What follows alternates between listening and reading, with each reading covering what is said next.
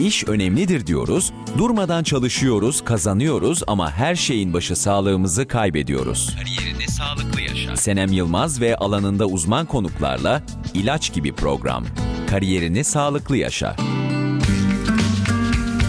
Değerli dinleyicilerimiz, kariyer gelişiminde sağlıklı olmanın, sağlığımızı korumanın ve bunun bir yaşam biçimi haline getirilmesinin öneminden yola çıkarak sizler için hazırladığımız programımız Kariyerini Sağlıklı Yaşaya hoş geldiniz.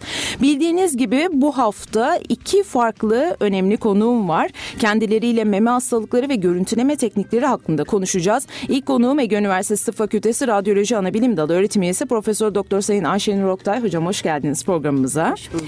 Ve bir diğer konuğum yine Ege Üniversitesi Tıp Fakültesi Genel Cerrahi Anabilim Dalı emekli öğretim üyesi Profesör Doktor Sayın Rasih Yılmaz. Hocam siz de hoş geldiniz programımıza. Hoş bulduk. İyi yayınlar Bu, dileriz. Biz teşekkür ediyoruz. Çok güzel bir yayın olacağına eminiz. Çünkü son derece güncel bir konu hakkında sizlerle sohbet edeceğiz. Özellikle genç kızların ve kadınların çok sıklıkla karşılaştıkları meme hastalıkları ve bunlarla ilgili yine bizim biraz da korkarak yaklaştığımız görüntüleme tekniklerinden teşhis, tanı ve tedaviden bahsedeceğiz. Hocam, Rasi Hocam ilk sorumu size yöneltmek istiyorum izninizle izninizle bize meme anatomisinden bahsedebilir misiniz biraz?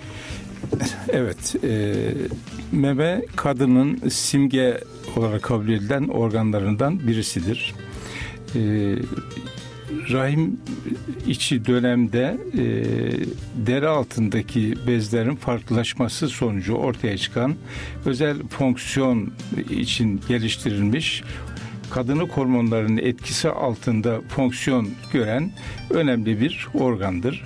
Temel e, fonksiyonu e, doğmuş olan bebeğin e, beslenmesi ve e, savunması için gerekli olan maddeleri barındırması itibariyle e, meme fevkalade önemlidir. Bu doğum sonrası süt verme dönemi için fevkalade önemlidir. O nedenle bayanların e, doğumdan sonra mutlaka emzirme dönemi yaşamaları ve bu sürenin de yeterli miktarda yani yaklaşık 18 ay kadar diyebiliriz olması oldukça önemlidir.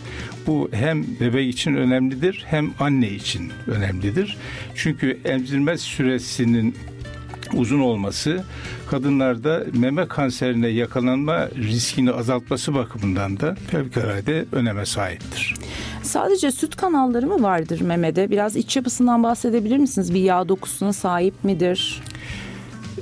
Meme dokusu temel olarak süt verme fonksiyonlarına yöneliktir. Ancak doku aralıklarında e, destek amaçlı yağ dokuları bulunmaktadır.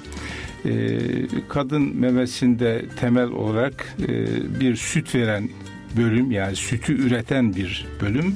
Sonra da bu üretilmiş sütü meme başına ulaştıran kanallar sisteminden ibarettir ve bunun arasındaki destek dokulardan. Bu e, süt kanalları sistemi meme kanseri bakımından kanserin kadın meme kanserinin en e, önemli oluşum yeridir. Yani yaklaşık yüzde 85-90'ı e, meme kanserlerinin memenin süt kanalları sisteminden kaynaklanmaktadır. Yaklaşık yüzde beş onluk bir bölümü ise memede sütü üreten bölümden kaynaklanmaktadır. İkisinin birlikte olduğu meme kanserleri de vardır ama bunların oranı daha azdır. Peki sizin genelde e, uzmanlar olarak bizlere hep söylemiş olduğunuz belli bir yaştan sonra kişinin kendi kendisini muayene edebilmesi. Öncelikle bundan bir bahsedelim mi? Kendi kendi muayene ne demektir ve neden önemlidir? Ayşenur Hocam sizden başlayalım isterseniz. Ee, kendi kendi meme muayenesi kadınların kendi memelerini tanımaları için aslında önemli bir e, yaklaşım.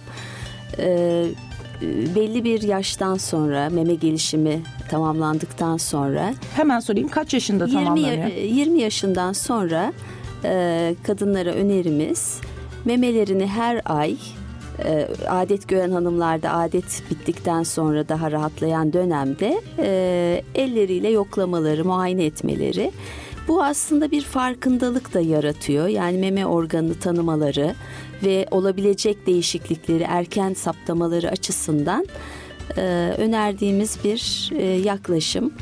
E, bu nedenle de e, meme kanseriyle ilgili e, önerilerimizin içinde birinci sırada hani memelerinizi e, ayda bir muayene edin. Farklı bir bulgu varsa bir yapısal değişiklik, e, bir çekinti, ele gelen bir sertlik, akıntı gibi semptomlar bundan hocamız bahseder e, bulgularda daha sonra. E, o zaman mutlaka bir hekime başvurun diye e, önerimiz oluyor. Yani kendilerini fark etmeleri, tanımaları açısından e, bir vurgulama. Hemen sormak istiyorum Rasya Hocam. Nasıl bir muayeneden bahsediyoruz? Mesela kolumuzu kaldırmalı mıyız? Yatar pozisyonda mı olmalıyız? Hangi dönemler adet sonrası dediğiniz ama adetin bitiminden kaçıncı günden itibaren muayene doğru şekilde yapılmalı? Biraz da bundan bahsedebilir miyiz? Evet, e, kadın memesinde muayene zamanı fevkalade önemli. Çünkü e, memeleri etkileyen hormonlar e, memede aynı zamanda muayene sırasında da farklı algılanmalara sebep olabilir. O nedenle en uygun meme muayene zamanı e, hormonların e, meme üzerine olan etkilerinin en aza indiği dönemi yakalamaktır. Bu dönem nedir? Bu dönem yumurtalıklardan e, yumurtanın e, dışarıya rahime doğru atılması dönemidir. Bu da hangi zamana denk gelir? Adetin başladığı günden itibaren 12, 14, 15. günlere denk geliyor. Diğer bir ifadeyle adetini görüp bittikten yani temizlendikten sonra tam bir hafta geçince bu tarif daha kolaydır. Temizlendikten sonra bir hafta geçince kendi kendinizi muayene ediniz diye öneriyoruz. Hasta ya da hanımefendi hemen ben e, kendimi nasıl muayene ederim, ne bileceğim, edeceğim herhangi bir şey bilmeyecek. Birkaç muayeneden sonra ama tarif ettiğimiz zaman da muayene edilecek. Tarif edilen zamanın dışında yapılan muayeneler yanıltıcıdır. Bu meme konusunda muayene için uzmanlaşmış hekimleri dahi yanıltabilecek kadar önemli. Elle yoklamada e, yapısal değişiklikler ortaya çıkar. Bu dönemin atlatılması gerekiyor. Onun için özellikle vurguladık. Adet bittikten tam bir hafta sonra yani meme üzerine e, etkili olan östrojen ve progesteron hormonlarının etkilerinin en aza indiği yumurtlama dönemini seçmek lazım hanımefendi kendini muayene ettiğinde e, normal meme yapısını birkaç muayeneden sonra kavrayacaktır. Sonraki zamanlarda bir farklılık olduğunda bunu hemen anlar. Benim göğsümün, mememin burası böyle değildi diyerek e, bu konuda alarma geçer ama paniğe kapılmaması gerekir. Memeyi bilen, meme konusunda uzmanlaşmış bir e, hastaneye, bir hekime giderek bu fark ettiği değişikliği orada hekime anlatmalıdır. Hasta ya da hanımefendi kendi kendine teşhis koymayacaktır. O fark ettiği bir değişikliğin ne anlama geldiğini anlamak için doktora gitmek görevine sahiptir. Bu işi yaptıktan sonra hanımefendi görevini yapmıştır. Bundan sonrası hekimin e, yönlendirmesine bağlıdır. Sizin Ege Üniversitesi'nde meme sağlığı ile ilgili ayrı bir polikliniğiniz var evet, değil mi genel cerrahide? Biraz da bundan bahsedebilir evet, misiniz? Ege Üniversitesi'nde 9 Eylül Üniversitesi'nde büyük hastanelerde sadece meme hastalarına bakan özel poliklinikler geliştirilmiş, oluşturulmuştur. Burada hastalar muayenelerini yaptırabilirler. Aynı şekilde e, büyük hastanelerde memenin e, hastalıklarının tanısında çok önemli olan görüntüleme ile ilgili özel bölümler vardır. Ayşenur Hoca'nın da bizim bu görüntüleme yani mamog radyolojinin mamografi bölümünün öğretim üyesidir. Orada hasta yönlendirildiğinde hangi yaş grubunda ne tür e, oluşumlarda ne tür e, muayene yöntemlerinin, görüntüleme yöntemlerinin uygulanacağını hocanın e, bunu söyleyebilirler. E, ve hastaya da bunu anlatarak e, onunla ilgili kaygılar ortadan kalkar. Gerçek durum neyse o ortaya konabilir. Hocam bu noktada ben bir şey, izninizle bir şey sormak istiyorum Ayşenur Hocam. Şimdi Rasi Hocam dedi özel poliklinikler var bununla ilgili. Peki siz birlikte çalışıyorsunuz ve yoğunluk olarak evet. size mesela ne kadar yoğunlukta hasta geliyor? Bu nasıl bir oran? Çünkü sizden randevu almak da çok kolay değil onu biliyorum. Yani Doğru. bir mamografi çektirmek için ya da bir ultrason çektirmek için. Dolayısıyla bu yoğunluğunuz ne kadar? Belki kafamızda da Fikir hani oluşması evet açısından. fikir oluşması Şimdi açısından. Şöyle görüntüleme, memenin görüntülemesi e, iki şekilde yapılıyor. Birisi yakınması olan, e, bir şikayeti olan ya da muayenede bir bulgusu olan kadınlarda teşhis tanı amaçlı istek yapılıyor. Burada tabii bunlar e, acil e, kabul edildiği için hiç bekletmeksizin randevu verilerek incelemeye alınıyor. Ee, Ancak memenin özel e, bir durumu görüntüleme açısından bir de tarama yapılması. Yani sağlıklı olan kadınlarda e, mamografi ile özellikle tarama yapıyoruz. Böyle olunca tabii sağlıklı olan her kadın 40 yaş üzerinde e, yapılmasını önerdiğimize göre başvurabilir. Böyle olunca e, çok yüksek bir başvuru sayısı var. Kapasitemize göre yani Ege Üniversitesi için konuşursak günde işte 70-80'e varan sayıda maksimum tetkik yapabiliyoruz. Ama başvurup tabii bunun üzerinde e, mecburen tarama amaçlı başvurularda bir e, randevu sistemi e, oluyor, uygulanıyor. Razi Hocam, Ayşenur Hocam az önce bahsetmişti. Memede çeşitli şekil bozuklukları olabilir. Siz de dediniz ya hasta kendi kendi muayene etmelidir. Çeşitli farklılıkları ya da bozuklukları hemen bize bildirmelidir diye. Bunlar neler olabilir ilk bizim gözümüze çarpacak olan?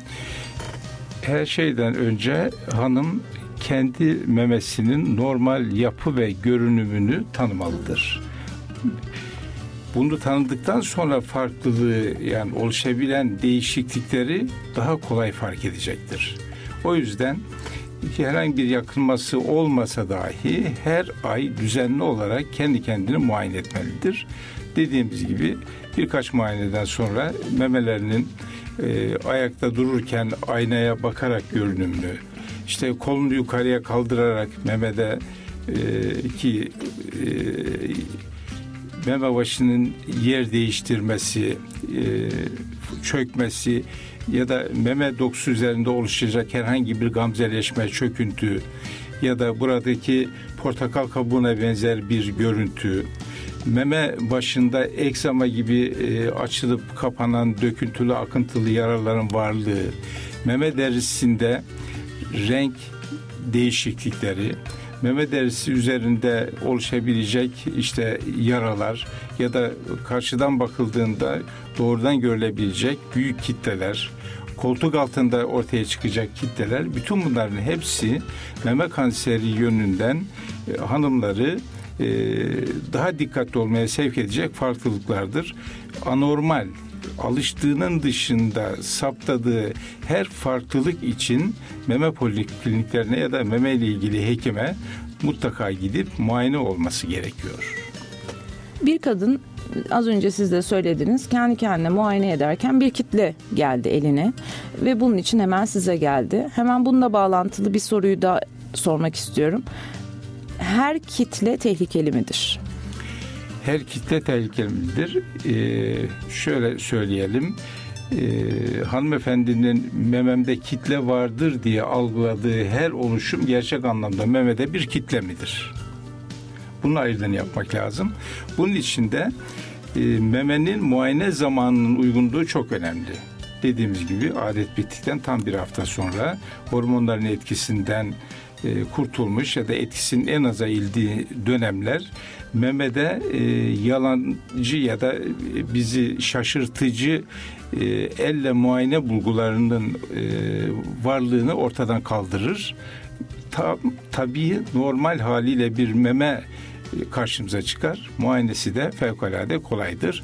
Bu dönemde e, yani şartların zamanın uygun olduğu dönemde yapılan muayenede bulunan kitleler bizi meme kanseri açısından kuşkulandırır. Ancak meme kanserinin memenin iyi huylu e, kitle oluşturan oluşumlarının memedeki değişikliklerin yaş gruplarına göre sınıflandırılması önemli. Mesela adet gördüğünü izleyen ilk 10 yıl içinde diyelim 15 yaşında adet gören bir hanım için 15 ile 25 yaş arasında memesinde ortaya çıkan katı, sert, hareket eden kitlelerin yüzde doksanı e, efendim e, iyi huylu, kanserle alakası olmayan kitlelerdir. Biz bunlara e, işte hormon etkisiyle ortaya çıkan fibradenom diyoruz. Tıptaki ismi budur. Fibradenom dediğimiz kitlelerdir. E, efendim e, 25 35 40 yaş arasında fibrokistik değişiklikler dediğimiz memede içi su dolu küçücük torbacıkların e, ortaya çıkarttığı ağrılı, pürtüklü, işte bazen kitle gibi algılanan oluşumlardır. 35-40 e, yaştan itibaren memedeki bir kitlenin e, tam sınırlanamayan net olarak bu kitle mi değil mi ama normalde önceden bulunmayan yeni ortaya çıkmış bir oluşumu kanser olabilir mi düşüncesiyle doktora giderek değerlendirtilmesi fevkalade yaşamsal öneme sahiptir.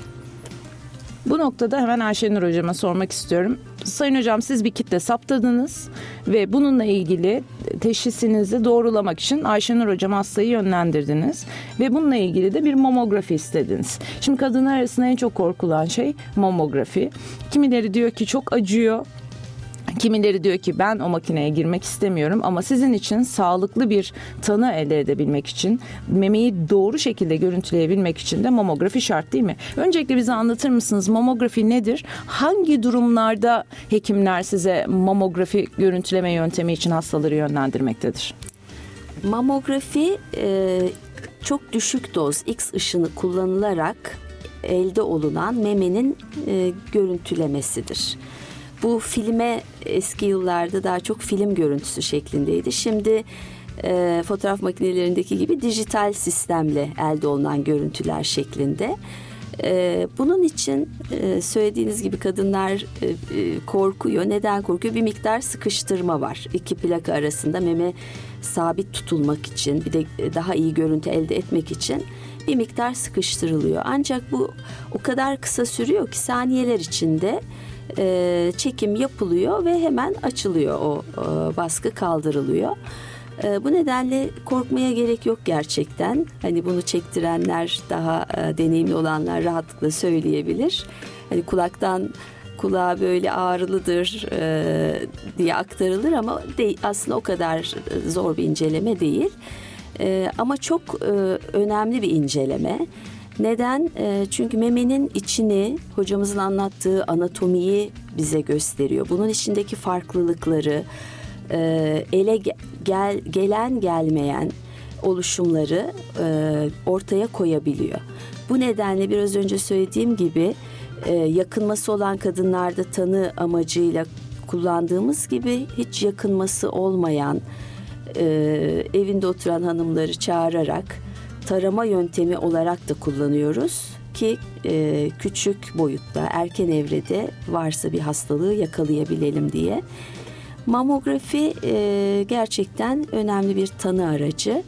Bu kitle lezyonları için tabi destek aldığımız bir yöntem daha var. Mamografi ile birlikte e, ultrason. O da iç yapısında sıvı mı var sözünü ettiğimiz bu e, e, sertlikler, oluşumlar sıvı dolu kese kist midir yoksa katı bir kitle midir? Bunu ayırt etmede bu iki yöntemi birlikte e, kullanıp karar veriyoruz.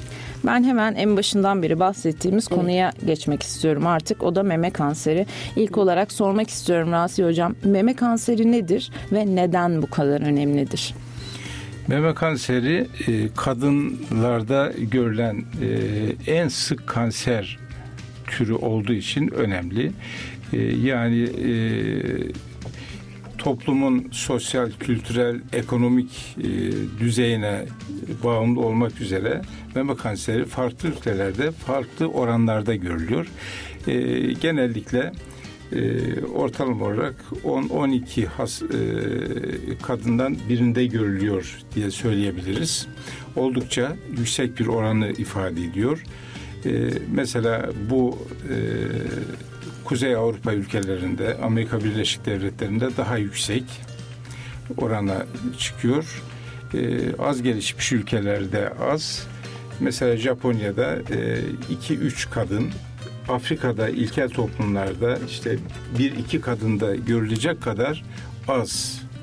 ama e, medeniyetin, uygarlığın, e, rahat, kolay yaşamın, e, hareketsiz yaşamın, hava kirliliğinin, işte e, besin maddelerindeki kimyasal maddelerin, gübrelerin, hormonların ve diğer her türlü e, fiziksel ve kimyasal etkiye sahip olan maddelere daha çok maruz kalan e, kütlelerde meme kanseri görülme e, ihtimali daha fazladır. Peki genetik de etkili midir? Genetik etkili yaklaşık 100 meme kanserinden 10-12 tanesi genetik özellikler taşıyor. Ee, yani kişi neye dikkat etmeli mesela? 100 kadından yaklaşık 25 tanesinde memenin dışında diğer organlarda meme kanseri olan akrabalar var. Yani e, efendim bir ailede ya da hanımın bu kan bağı olan akrabalarında 100 kişiden 35 tanesinde genetik e, meme kanseri yani genetik geçişli meme kanseri ya da memenin dışındaki organlarda kanser varlığı yüzde 35 oldukça yüksek. Yüzde e, efendim 65-70'lik bir grupta ise hiçbir risk faktörü olmadığı halde e, durup dururken yani e, efendim bulutsuz bir gökyüzünde birden şimşekler çakıyor, yağmur yağıyor gibi birden ortaya çıkan bir kitle bakılıyor meme kanseri. Yani ailemizde yoktur, genetik risk taşımıyoruz. Öyleyse biz bu işe pek önem vermeyelim gibi görüş ya da düşünceler ya da bu tür duyumlar fevkalade yanlıştır. Ayşenur Hoca'nın söylediği gibi e, tarama programı e, yakınması olmayanlar için özellikle önemlidir. Yakınması olanlar da zaten yakınmada e, altta yatan neden e, araştırılırken her türlü inceleme yapılıyor. Ama ailede yoksa onlar kendilerini bunun dışında saymamalılar.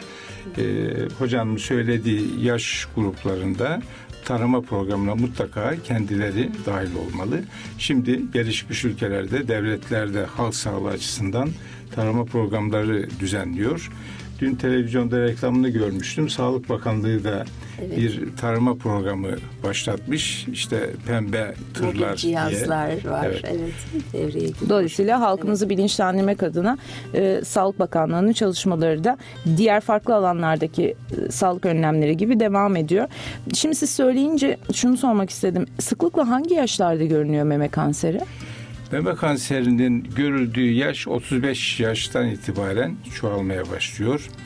E, adetten kesilme dönemi var. E, işte menopoza girme döneminden ha, bahsediyorsunuz. Biz menopozu şöyle tarif ederiz. Kadının yaşamında gördüğü son adetin adı menopoz. E, son görde, e, görülen adete menopoz diyoruz. O dönemden sonraki zamana işte menopoz dönemi ya da kadın menopoza girdi diye tarif ediyoruz. Menopoza girmezden 4-5 yıl önce başlayıp menopoza girdikten sonraki 4-5 yıl yani yaklaşık 8-10 yıllık bir dönemde biz buna perimenopozal e, menopoz çevresi zaman diyoruz. O dönemde meme kanseri görülmesinde bir artış olmaz. Çünkü meme kanseri yaş ilerledikçe e, görülme sıklığı artan bir kanser türü. Yani burada sadece meme kanserine yol açan şimdi biz bu konuda hormonları suçluyoruz. Hormonların etkisiz olduğu, menopoza girilmiş olduğu dönemlerde dahi artan sıklıkta meme kanserinin görülüyor olması işin içinde başka faktörlerin de olduğunu düşündürüyor. Bu en önemli faktör yaştır, yaş kazanmaktır. Yani yaş ilerlemesi de dokularda oluşan yıpranma ve e, olumsuz etkilerin birikimiyle e, diğer organlarda, vücudun diğer organlarında olduğu gibi memede de kanser görülme sıklığını etkilemektedir. Az önce söylemiştiniz genetik faktör etkili, genetik geçişler dolayısıyla da belli bir oranda görünebiliyor. Yüzde 35 gibi, 30-35 gibi orandan bahsetmiştiniz. Hastalarınızla ilk anamnez alırken yani onlara ilk soruları sorarken genelde ne diyorsunuz? Hani anneannenizde, teyzenizde gibi değil mi sorular soruyorsunuz bayan hastalara. Bu hani şeyi öğrenebilir miyiz biraz yakınlık derecesini, akraba yakınlığını? Şimdi bizim için birinci derece akrabalarda meme kanserinin varlığı halinde o ailenin hanım fertlerinde meme kanseri görülme riski 3-4 kat artıyor. Bu bizim için oldukça önemli. Memede e, bulunan bir oluşumu izleyelim mi? Yani 6 ay sonra bir takip edelim, 3 ay sonra bir film çekelim bakalım gibi bir e, politika mı izleyelim? Yoksa bu az da olsa bir kuşku ifade ediyor. Biz bunu e, tanı yöntemlerini kullanarak gerekirse e, cerrahi yöntemler kullanarak doku örneği alıp yani biyopsiyi yaparak bu oluşumun gerçekten ne olduğunu anlayalım mı e, biçimdeki bir düşüncede son söylediğimiz yolu seçiyoruz. Yani biz bunu izlemeyelim. E, mamografinin ötesinde bir üst tarama yöntemi var. Hocam ondan bahsedecekler. Onu kullanalım ya da biz bu e, kuşkulu kitleden e, biyopsi yapalım yani parça alalım patolojiye gönderelim.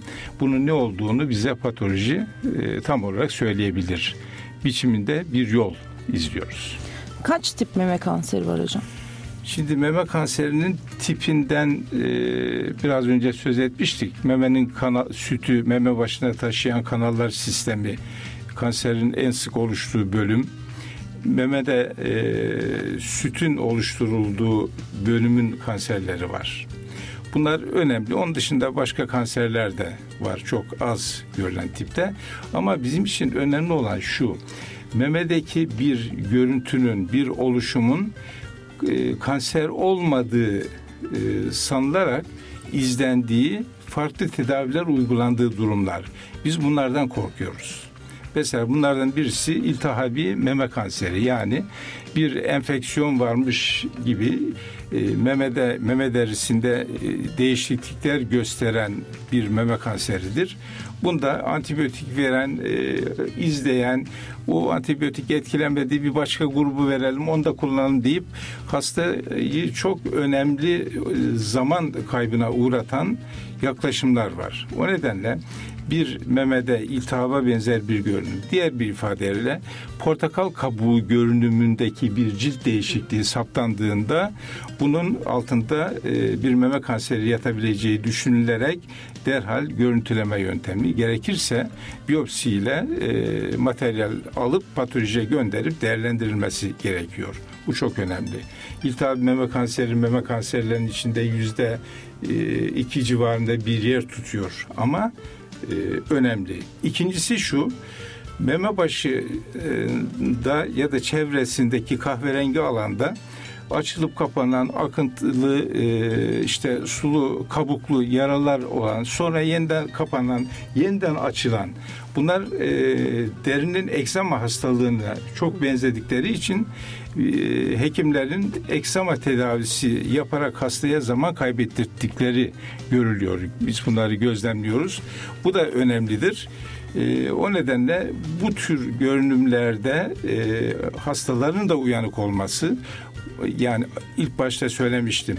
Memede ortaya çıkan alıştığının, bildiğinin dışındaki bir farklılık her türlü durumda mutlaka doktora gitmesi gerekir. Efendim bu şudur değildir. Yani bir başka hekim bu eksema olabilir dediğine inanmamalı. Efendim bu bir basit iltihaptır geçer şu antibiyotik kullan biçimindeki ifadeler inanmamalı.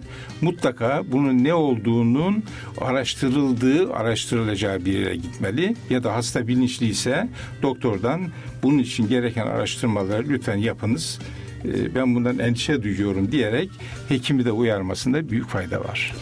Konuşmanızın bir önceki bölümünde şöyle bir şey söylemiştiniz. Koltuk altını da muayene etmeli. Memenin koltuk altıyla bir bağlantısı mı var? Devam Memenin uzantısı koltuk... mı var? İnsanların bir kısmında doğuştan memenin koltuk altına doğru bir uzantısı olabiliyor. Biz buna meme kuyruğu diyoruz. Yani bildiğimiz normal bir meme dokusu kuyruk biçiminde parmak kalınlığında koltuk altına doğru bir uzantı gösterir. Ee, biz buna meme kuyruğu diyoruz. Bunu ultrasonda, mamografide görüntüleme e, ile uğraşan e, hekimlerimiz çok net olarak ifade ediyorlar, ederler. Tecrübeli bir meme e, hekimi de kolaylıkla bunun meme kuyruğuna ait bir değişiklik olduğunu anlayabilir. Çünkü adet öncesi günlerde kadın memesi şiş, dolgun, ağırlı, pürtüklüdür. Adet görmeye bir hafta on gün kala başlayıp adet bitinceye kadar bu durum devam eder. O dönemde koltuk altında memenin kuyruğunu bir kitle olarak algılayan hanım paniğe kapılabilir. O nedenle bu tür değişiklikler e, hastaya ya da işte halk sağlığı programlarında meme muayenesini işleyen bölümlerde bunlar da mutlaka halk aydınlatmak amacıyla anlatılmalıdır, örneklerle gösterilmelidir. Az önce de biyopsiden bahsetmiştiniz ama gene biyopside kadınların bir anlamda korktuğu bir şey. Acaba ne olacak diye. Nasıl yapıyorsunuz biyopsiyi? Biz yapıyoruz ama e, radyologlar da biyopsi yapıyorlar. Öyle mi? Evet. Siz de Onlarınki- o zaman önce tabii. Ayşenur Hoca'ya soralım. Evet, çünkü onlar yani bizde olduğu gibi canlarını yakmadan yani onları e, üzmeden, travmatize etmeden daha kolay, daha rahat biçimde yara bere açılmadan e, O yapıyorlar. zaman iki farklı biyopsi var. Şimdi, önce Ayşenur e, Hocama iki soralım. yöntemden herhalde ana başlık olarak söz edebiliriz. Bir açık biyopsi, açık cerrahi biyopsi, bir de kapalı iğne biyopsileri. Şimdi açık biyopsi cerrahide gerçekten ameliyathaneye girerek e, hastayı bir miktar uyutarak yapılan biyopsiler. E, bunun yapıldığı tabii durumlar var. Bir de iğne biyopsileri var ki bugün daha çok mümkünse tercih edilen e, biyopsi yaklaşımı bu. Bu da e, hastalığı sadece bir lokal anestezi uyuşturmayla lokal uyuşturarak hastayı uyutmadan e, görüntülemenin de yardımını e, alarak o zaman daha kolaylaşıyor iş. İğneyle e, belli kalınlıkta iğneyle alınan doku örnekleri onun patolojiye gönderilmesi. Bu tabii hasta açısından çok daha rahat oluyor, konforlu oluyor. E, onun için özellikle de ele gelmeyen görüntülemeyle saptanmış olan kuşkulu bulduğumuz lezyonlarda, hastalıklarda biz iğne biyopsisini öncelikle tercih ediyoruz. Ee, onun sonucuna göre eğer e, malinite yani kanser çıktıysa o iğne biyopsinin sonucu o zaman cerrahi zaten gerekli müdahaleyi yapıyor. Açık girişimi tedavi amaçlı e, yerine getiriyor. O zaman hemen size dönelim Rasim Hocam. Siz hangi durumlarda cerrahi biyopsiyi tercih ediyorsunuz? cerrahi biyopsiyi e, yapabiliriz. Cerrahi biyopsinin e, yapılmadan görüntüleme yöntemlerinden faydalanması avantajını hiçbir zaman kaybettirmemek gerekir. Yani elle muayene ettik. Bir kitle var. işte şüpheli gibi geliyor.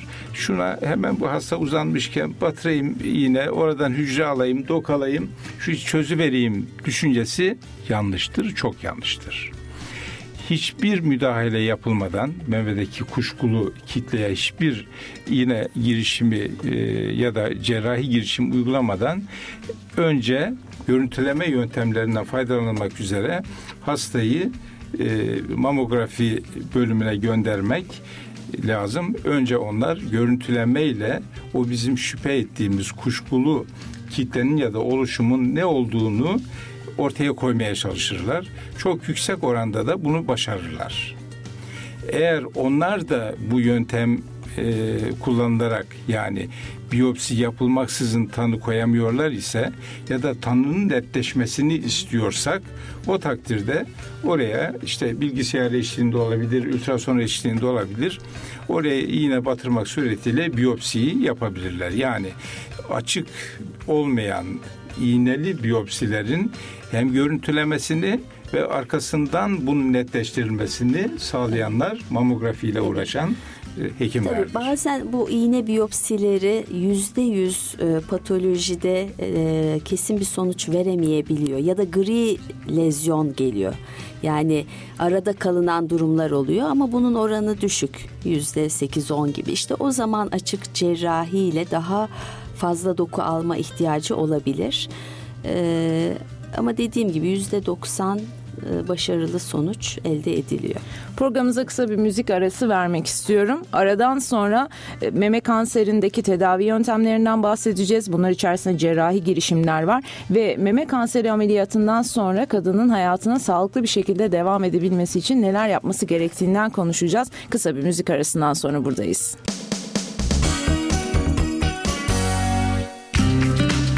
Değerli dinleyicilerimiz meme hastalıkları ve görüntüleme teknikleriyle ilgili konuklarımla sohbet etmeye ikinci bölümle devam ediyorum. İkinci bölümün ilk sorusunu şu şekilde sormak istiyorum. Kanserli dediğimiz oluşum ya da kanser oluşumu dediğimiz hücresel değişim nasıl bir şeydir hocam? Rahatsız hocam size sorayım isterseniz. Evet, e, kanser e, halkın en çok duyduğunda ürktüğü, korktuğu e, kelimelerden birisidir. Tabi canlı organizmalarda e, kanserin görülme ihtimali her organ için mümkündür. Ama ismi kanser olmayabilir, ismi kanser olabilir, e, sarkom olabilir, lenfom olabilir, lösem olabilir vesaire. Ama sonuç olarak bu şekilde e, normalde vücut vücudumuzdaki hücreler e, yenilenir. Yenilenirken ikiye bölünerek çoğalırlar. Bu şekilde e, zamanı uyaranları geldiğince e, hücreler yenileşir, e, eskileri vücut tarafına yok edilir. Bu şekilde e, kanser hücrenin kontrol edilemeyen, durdurulamayan bölünmeleri ve çoğalmaları e, olarak tarif edilebilir. Bu takdirde e, buradaki e, ortaya çıkan kitle e, diğer normal vücut dokularına göre daha fazla çoğaldığı, bölündüğü için orada bir yumru ya da kitle biçimde kendini gösterebilir e, ya da görüntülerde bu saptanabilir. Bu şekilde o e, anormal bir kitlenin varlığı hekimleri, insanları kanser yönünden günümüzde uyaran en önemli belirtilerden birisidir. E, yani bir kitlenin e, görülür ya da elle hissedilir, muayene edilebilir vücut yüzeylerinde, vücut bölümlerinde olması çok büyük avantaj olarak kabul edilir. Çünkü e, muayene edilemeyen, kolay ulaşılamayan yerlerdeki kanser kütleleri boyutunun çok ötesindeki büyüklüklere ulaşıp başka organlara da sıçradığı için tedavisi zor ya da imkansız e, noktalara gelmiş olabilir. Meme kanserinde ne tür evreler var? Meme kanserinde evrelerken biz e, kanser kütlesinin büyüklüğüne bakıyoruz memedeki. İki, koltuk altındaki e, lenf bezlerinin ilerip ilerlemediğine, ilerlediyse durumuna bakıyoruz. Onun ötesinde köprücük kemiğinin altındaki ve üstündeki ve boynumuzdaki lenf bezi ya da lenf bezelerine bakarak değerlendiriyoruz. Dolayısıyla lokal olarak sadece bir bölgeyi değil, daha aslında geniş bir bölgeyi araştırıyorsunuz evet, değil mi? Çünkü kanser e, lenf sıvısı dediğimiz ya da lenf yolları dediğimiz ak kan damarları sistemiyle yayılır. O şekilde o nedenle memede e, bir kitle var ise koltuk altına yayılma ihtimali her zaman kanser ise vardır. Öyleyse biz memeyi muayene ettiğimizde meme muayenesinin vazgeçilmez mutlaka yapılması gereken ek muayenesi de koltuk altının e, beze var mı yok mu biçiminde yoklanması boyun bölgelerinin köprücük kemiği üstündeki o çukurluktaki kısmın ve onun altındaki bölümün elle yoklanması vazgeçilmez muayene yöntemlerinden birisidir. Eğer kanser olduğu e, teşhisi netse bu kanser vücudun başka bölümlerine yayılmış mı yani metastaz yapmış mıdır diye bunların araştırılması da gerekiyor. Ee, en çok yayılan yer kemik, e, karaciğer, e, efendim akciğer, beyin gibi organlardır. Biz bunların içerisinde akciğer, karın için karaciğer e, ve kemikleri e, mutlaka tetkik ediyoruz, inceliyoruz. Bir de şimdi PET dediğimiz bir yöntem var. PET yöntemi aynı anda tüm vücudun e, kanser yönünden farklılık gösteren e, belirtiler içerip içermediğini ortaya koyuyor. O bakımdan önemli. Birçok yöntem istenilen organın tetkikini yapmak biçiminde kullanılırken PET bir anda tüm vücudun e, haritasını çıkartır gibi durumunu ortaya koyuyor. O bakımdan e, ve e, yapılma tekniğinin altında yatan bilimsel düşünce yönünden oldukça önemli bir yöntemdir. Yani kanser hücrelerinin e, insanlarda olduğu, normal hücrelerde olduğu gibi e, enerji ya besin kaynağı olarak şekeri kullanması esasına dayanır.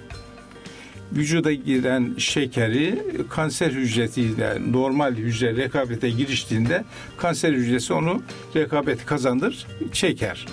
E, işaretlenmiş olan şeker de bu şekilde kanserli bölgede birikmeye başlar. O da görüntü olarak kendisini ortaya e, çıkaran cihazın altında e, net olarak görülür. O zaman denir ki şu bölgelerde de metastaz var, yayılma var gibi. Bir kan, meme kanserinin akciğer, karaciğer, işte kemik, beyin vesaire diğer organlarda, kendisinin dışındaki organlarda e, yayılmış olması meme kanserinin dördüncü evrede olduğu anlamına gelir. Meme kanseri demek ki dört evredir. E, bunlar memedeki kitlenin büyüklüğüne göre, memedeki kanser kütlesinin meme derisiyle olan ilişkisine göre oraya yapışır, yara çıkar, e, kanamaya yol açabilir ya da e, göğüs kafesinin göğüs duvarına yapışmasına göre e, bunlar değişiklikler gösterir ve ona göre evreleme yapılıyor. Demek ki evreleme meme kanserinin göğüs duvarına, meme derisine olan ilişkisine göre, büyüklüğüne göre, koltuk altına lenf bezi yayılması yap yapmadığına göre, aynı şekilde boyun e, bölgesi ve akciğer, karaciğer, kemik ve diğer organlara yayılmasına göre evrelere ayrılıyor. O zaman PET çekimi hasta üçüncü ya da dördüncü evredeyse mi başvurduğunuz bir görüntüleme yöntemi oluyor? Metastaz e, beklentisinin olduğu daha evet ileri evre durumlarda özellikle yayılma var mı görebilmek erken için. evrede rutinde kullanılmıyor. Kullanılmıyor. Erken evre, koltuk Mamografi ve ultrasonla evet, görüntülemede evet. rahatlık sağlayabiliyoruz. Peki hocam hangi tedavi yöntemleri var meme kanserinde? Mesela cerrahiye hangi durumlarda başvuruyorsunuz? Ben, e, yani her türlü kanserde olduğu gibi bir tedavi programının yapılabilmesi için her şeyden önce evrelemenin yapılması lazım. Yani bu dört evreden hangisinde ha, hasta onu bilmemiz lazım. Meme için konuşmamız e, gerekirse bizim e, birinci ve ikinci evrelerde meme kanserinde birincil tedavi yöntemi. Birincil diyorum e, meme kanser tedavisinde tedavi yöntemi yalnız başına cerrahi değildir. Cerrahi var, kemoterapi var, radyoterapi var, hormon tedavisi gibi yöntemler var. Bunlar bazen biri kullanılır, bazen hepsi birden ya da birkaçı bir arada olmak üzere kullanılır. Kombinasyonlar yapılabilir. O yüzden mutlaka evrelemenin yapılması lazım. Birinci, ikinci evredeki meme kanserinde ilk önce yapılacak cerrahi tedavidir. Diğer e, efendim üçüncü evrede kemoterapi yapılabilir, radyoterapi yapılabilir, sonra cerrahi yapılabilir. Ee, uzak e, organlara yayılan dördüncü evre meme kanserinde ise e, gene birincil tedaviler kemoterapi, hormon tedavisi, radyoterapi gibi yöntemlerdir. Gerekirse memedeki kütle, e, yaşamı olumsuz etkiler biçimde, günlük hayatın konforunu da olumsuz etkiler biçimde ise en son olarak memedeki kanser kütlesinin çıkartılması biçiminde bir girişimde buna eklenebilir. Peki memeye yönelik cerrahi girişimler nelerdir? Şimdi memeye yönelik cerrahi girişimler e, memenin tamamen ya da kısmen çıkartılması biçiminde olur. Bu gene memedeki kanser kütlesinin evresi, boyutları ve beraberindeki diğer durumlar göz önüne olarak yapılır. Şimdi dünyada ortalama olarak e, meme koruyucu cerrahi yöntemler var. Yani memenin kısmen alınması, e, memenin tamamen alındığı yöntemler var. Memenin yani meme üzerine cerrahi girişim uygulandığı durumlarda yaklaşık e, yüzde ellisine yakın hastalarda e, meme koruyucu cerrahi uygulanabiliyor. Yani kadın memesini kaybetmemiş oluyor. E, yarısında da yaklaşık memenin tamamı alınmış oluyor. Memenin e, alınması yetmiyor. Koltuk altının da temizlenmesini gerektiren durumlar vardır. Lenf kanalları sebebiyle. Lenf bezlerinin temizlenmesi biçiminde. O takdirde ise yapılacak olan girişimler olabildiğince e, koltuk altını temizlememeye yönelik. Çünkü koltuk altını ameliyatla temizlediğimizde ya da radyoterapi uygulandığında o ameliyatlı kolda e, işte e, 3-5 yıl sonra kolda şişlikler, ağrı, e, hareket kısıtlaması gibi büyük problemler yani bir sakatlık oluşturabilecek biçimde kolda fonksiyon kayıpları görülebiliyor. Buna sebep olmamak için biz olabildiğince koltuk altında metastaz olmadıkça koltuk altına dokunmamak istiyoruz. Bunun için özel e, tetkikler, incelemeler yapılarak bu işin e, gerçek durumu ortaya çıkartılıp ona göre koltuk altı temizleniyor ya da temizlenmiyor.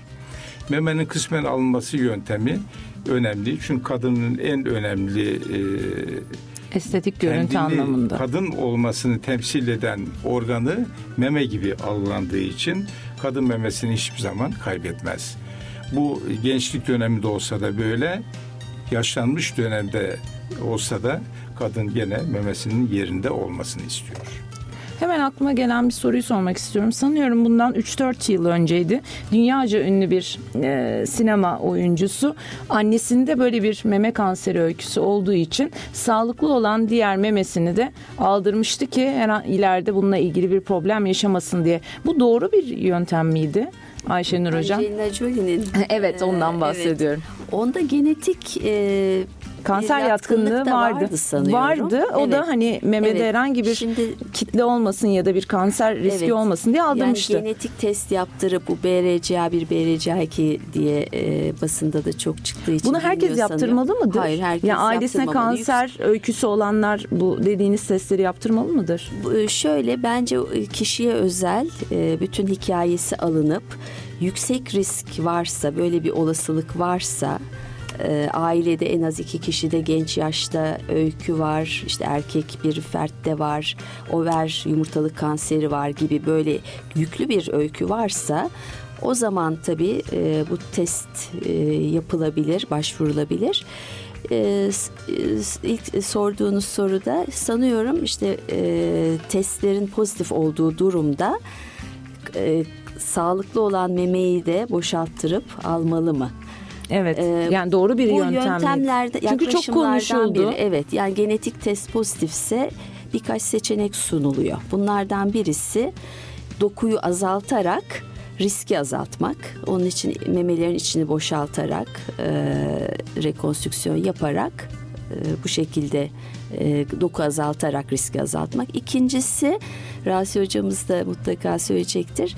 E, yakın takip çok düzenli yakın izlem görüntülemeyle, muayeneyle yakın Daha sık izlem. aralıklarla değil mi? Bu değişebilir. Yıllık periyot mutlaka şart ama 6 aylık periyotlara da indirerek izlem önerileri var. Ee, Üçüncüsü de hormonlarla değil mi Rasi Hocam? Ta- e, onunla koruyucu, memedeki riski azaltıcı yaklaşım. Yani bu üç yöntemde olabilir. Tabii basına yansıyan e, ilk e, İlk yöntem genetikle yöntem. ilgili Evet, olan da. evet. Hocam şimdi devam etmek istiyorum.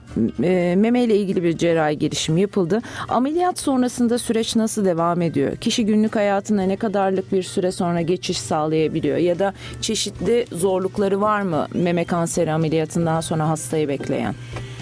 Hastanın her şeyden önce psikolojik olarak e, meme ameliyatı e, olduğuna, bunun sonuçlarının ne olduğuna dair e, bilgilenmeli ve bunu hasta kabullenmelidir. E, ameliyat yapılmış ise ameliyattan sonraki diğer yardımcı tedavi yöntemlerinin e, neler olabileceği, bunları hangi koşullarda uygulayacağımız, bunların etkilerini ve yan etkilerinin neler olabileceği hasta ameliyat olmazdan önce ayrıntılı olarak hastayla konuşulmalıdır. Tabii bu konuşma kesin net bir şey ifade etmez. Bu yapılan muayeneler, tetkikler sonucunda hastanın hangi evrede olduğuna göre hasta ile hekim arasında hasta yakınları da buna dahil olabilirler. Yapılan bir e, görüşmede hastayı aydınlatmak biçimindedir. Bu tedavinin birinci ve en önemli aşamasıdır. Bazı hastalar e, meme koruyucu cerrahi için uygun bir aday oldukları halde ileride az miktarda da olsa ortaya çıkabilecek olan nüks ve diğer sorunlarla e, mücadele edecek durumda değilim, etmek istemiyorum. Bütün risk ortadan kalksın gibi düşüncelerle meme koruyucu cerrahi yani memesinin yerinde kalması e, mümkün olabilecek durumları da kabul etmezler.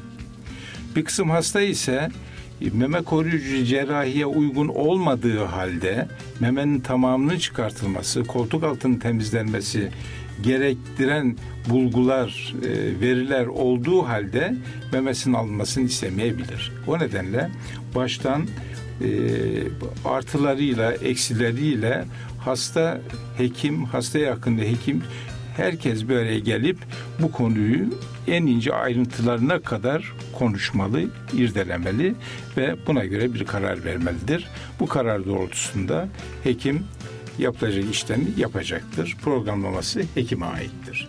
Ameliyat sonrası dönemde eğer koltuk altı temizlenmesi olduysa kolda oluşabilecek olan e, ileriki dönemlerde şişlikler, biz ona kol ödemi diyoruz. Ağrı, e, hareket kısıtlaması gibi sorunların azaltılması amacıyla e, özel olarak planlanmış e, egzersizler var. O egzersizler kitapçıklar haline getirilmiştir. Hastaya bunlar anlatılır. Bunları mutlaka uygulaması gerektiğini, uyguladıktan sonra e, ortaya çıkacak problemlerin daha aza inebileceğini örneklerle buna anlatıp ona göre hastaların daha konforlu bir yaşam sağlamalarını e, mümkün kılmak kolay. Gerekirse bir psikiyatri doktoruyla da görüşerek bu konuda e, onların desteğini alması da yaşam kalitelerinin yükselmesi bakımından yararlı olacaktır. Meme hasta meme pardon meme ameliyatlarından sonra tabii ki e, bayanlarda bir estetik kaygısı oluşmaya başlıyor. Bu noktada da sanıyorum meme rekonstrüksiyonu devreye giriyor değil mi? Ayşenur hocamın az önce bahsettiği gibi. Bu rekonstrüksiyon dönemi ameliyattan ne kadarlık bir zaman sonra olmalıdır? Evet şimdi bunu şöyle değerlendirelim. Küçük tümörlerde e, memedeki kanser kütlesi küçük ise e, bazı durumlarda e, ameliyat sırasında memedeki e, kanser oluşan dokuyla birlikte diğer sağlam meme dokusu da aynı anda çıkartılır aynı anda yerine efendim sentetik mesela silikondan bir protez yerleştirilir. Yani hasta meme kanseri olduğu halde ameliyata memesiyle girer. İçeride kanser için gereken cerrahi girişimler yapılır. Aynı zamanda yeniden bir meme oluşturulur ve o şekilde çıkar. Hasta uyandığında meme kanser ameliyatı olmuştur ama memesi de yerinde olarak e, kendisine gelir. Bundan fevkalade mutludur. E, bu eş zamanlı rekonstrüksiyon diyoruz buna. Hem kanser cerrahisi yapılıyor, aynı zamanda da yeni bir meme yapılmış oluyor. Onun dışında memesi alınmış olan hanımlarda meme kanseriyle ilgili problemlerin en sık görülebildiği ameliyat sonrası ilk iki yıl mutlaka herhangi bir estetik cerrahi girişim yapılmadan geçirilmelidir. Bu tür çünkü ortaya çıkacak olan problemlerin yüzde 80-85'i meme kanser cerrahisini izleyen ilk iki yılda ortaya çıkar. O nedenle biz ilk iki yılda estetik kaygıyı değil sağlık kaygısını ön planda tuttuğumuz için herhangi bir cerrahi rekonstrüksiyon işlemle e, gitmelerini tavsiye etmiyoruz. Ondan sonraki dönemlerde vücutta herhangi bir yayılma, metastaz, başka sorun yok ise hanım e, plastik cerrahi uzmanlarına giderek oraya yeni bir meme yapılması konusunda görüşürler ve bunlar da mümkündür. Cerrahi operasyonumuzu olduk. Peki rutin kontrollerimiz nasıl olmalı? Çünkü mesela bir memede ortaya çıkabilecek bir kanser olgusu ileride siz de söylediniz. Belki başka diğer memede de ortaya çıkabilir ya da çeşitli farklı alanlarda metastaza neden olabilir. Bununla ilgili olarak radyolojik görüntüleme yöntemleri bu tip hastalar için hangi sıklıklarla olmalıdır Ayşenur Hocam? Şimdi meme cerrahisinin tipine göre e, hocamız söyledi. Eğer bir meme tümüyle alındıysa, total mastektomi yapıldıysa o zaman karşı sağlıklı memeyi e, rutin yıllık periyotlarla izlemek gerekiyor. Yani bu e, dediğiniz gibi e, o kadın için bir risk faktörü aynı zamanda bir memede kanser olması karşı meme için e, yeni bir kanser gelişimi için risk faktörü. Onun için yıllık periyotla karşı memenin takibi gerekiyor. E, eğer koruyucu cerrahi yapılmışsa yani sadece hastalıklı bölge çıkarıldı meme yerinde duruyorsa o zaman üzerine cerrahinin üzerine radyoterapi de ekleniyor. E, bu takdirde o, tedavi yapılan memeye e, radyoterapi bitiminden sonra bir 6 aylık kontrol yapıp ön bir görüntüsünü alıp ondan sonra devam eden yıllarda yine yıllık takip öneriyoruz. Yani her e, görüntüleme her durumda yıllık periyotta e, yapılıyor. Ama fizik muayene ve e, gerekli durumlarda tabii ek e, incelemeler e, klinisyen tarafından, cerrahlar tarafından daha sık periyotlarla da yapılabiliyor. Hazır bunu aktarmışken programın ilk bölümünde de söylemiştik ya e, sağlıklı bir kadının hangi yaştan itibaren düzenli olarak kontrole gitmesi gerektiğini bunu bir kere daha vurgular mısınız Ayşenur Hocam? Vurgulayalım. Şimdi burada hastalık evrelerinden bahsedildi. Ama işte, sağlıklı kişinin de kendini evet, düzenli olarak tabii, kontrol ettirmesi e, lazım. Ondan sonra ilerleyen evrelerde hastalığın yayılma riskinden bahsedildi. İşte sağlıklı e, olan kadında e, tarama yapmamızın, tarama yapmak istememizin amacı e, eğer varsa başlamış bir hastalık onu erken yakalamak, erken evrede yakalamak ve böylece e, erken tedavi, memeyi koruyan tedavi seçeneklerini öne çıkarmak ve de hastayı ölüm riskinden işte kurtarmak ya da azaltmak diyelim. Ölüm uzaklaştırmak. uzaklaştırmak yaşla birlikte meme kanseri görülme sıklığı artıyor. O nedenle öneriler 40 yaşından sonra hiç genetik riski olmayan bir kadın için konuşuyorum. 40 yaşından sonra taramaya başlanması 1-2 yıllık periyotlarda. Yani ideali bir yıl belki ama e, tabii olanaklar çerçevesinde örneğin bu söz edilen Sağlık Bakanlığı'nın tarama politikasında e, ülkemizde uygulamaya başladığı politikada iki yıllık periyotlar kondu. Çünkü e, bu periyotta ancak bu hizmeti sunabileceğiz. 40 yaşından sonra işte 70 yaşına kadar iki yılda bir ama yapılabiliyorsa yılda bir, bir iki yıllık bir periyot diyelim kontrollerin yapılması. 40 yaşının yapılması. altında eğer genetik etki varsa? Ee, şimdi yüksek riskli olgu dediğimiz genetik potansiyeli var ya da gerçekten bir memesi alınmış meme kanseri nedeniyle bu da bir risk faktörü. Ee, ya da ailesinde böyle bir öykü var. Teyzesinde, annesinde, var. anneannesinde. Evet. Bu olgularda tabii tarama yaşı daha öne çekiliyor. Ama e, bu tarama e, mamografi olacaksa 30 yaşın altında alınmıyor. Genelde öneri 30 yaşından sonra. İşte muayene çok önemli klinik muayene. O zaman düzenli bir hekim kontrolünde hekim olmamız şart. gerekiyor. Zaten onların yönlendirmesiyle bu e, radyolojik incelemeler yapılıyor. E, ultrason bir de yüksek riskli hastada e, hocamız da bahsetti bir inceleme yöntemi daha var. O da memenin manyetik rezonans görüntülemesi. Özellikle genetik e, riski olan olgularda e, MR çok e, hassas bir yöntem. E, o devreye sokuluyor. Tabii ki her kadında e, kullanılması önerilmiyor. Yani normal bir e, popülasyonda kullanılmıyor e, tarama amacıyla ama yüksek riskli hastalarda o da taramada devreye giriyor. Programın son sorusunu da erkeklerle ilgili bir konuya yöneltmek istiyorum. Erkeklerin de meme dokusu var. Dolayısıyla erkeklerde de meme kanseri oluşabiliyor mu? Rasya Hocam, Ayşenur Hocam erkeklerde de kanser görülebiliyor. Bizim e, tabii ki e, hasta grubumuz içinde bu az bir oran.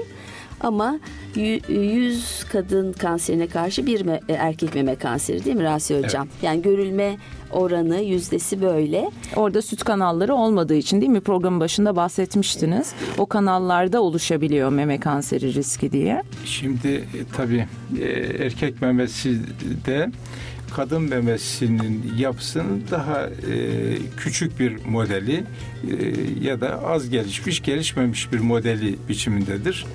Bu nedenle e, erkeklerde de meme kanseri görülür ve tedavi prensipleri kadınlardaki meme kanserinin aynısıdır. Dolayısıyla kanserin tedavi yöntemi aynı ancak görüntüleme yöntemi de aynı aslında. Aynen. Ancak kadın ve erkekte farklılık Oranlar gösterebiliyor. Farklı, evet. Diliyoruz e, dünyada ve Türkiye'de kadınlarda meme kanseri görülme riski giderek azalır. E, bununla ilgili tıbbın daha da ilerlediğini biliyoruz. Verdiğiniz bilgiler için çok teşekkür ediyorum. Değerli konuklarımız Ege Üniversitesi Tıp Fakültesi Radyoloji Anabilim Dalı öğretim üyesi Profesör Doktor Sayın Ayşenur Oktay ve Ege Üniversitesi Tıp Fakültesi Genel Cerrahi Anabilim Dalı emekli öğretim öğretim üyesi Profesör Doktor Sayın Rasih Yılmaz'dı. Meme hastalıkları ve görüntüleme teknikleri hakkında çok değerli bilgiler paylaştılar bizimle. Önümüzdeki hafta farklı konu ve konuğumuzla sizlerle birlikte olmak üzere kariyerinizi sağlıklı yaşamanızı diliyoruz efendim. Hepinize iyi haftalar.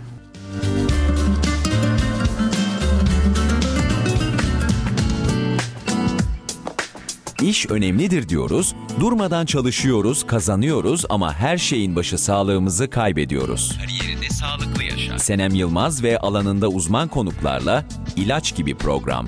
Kariyerini sağlıklı yaşa.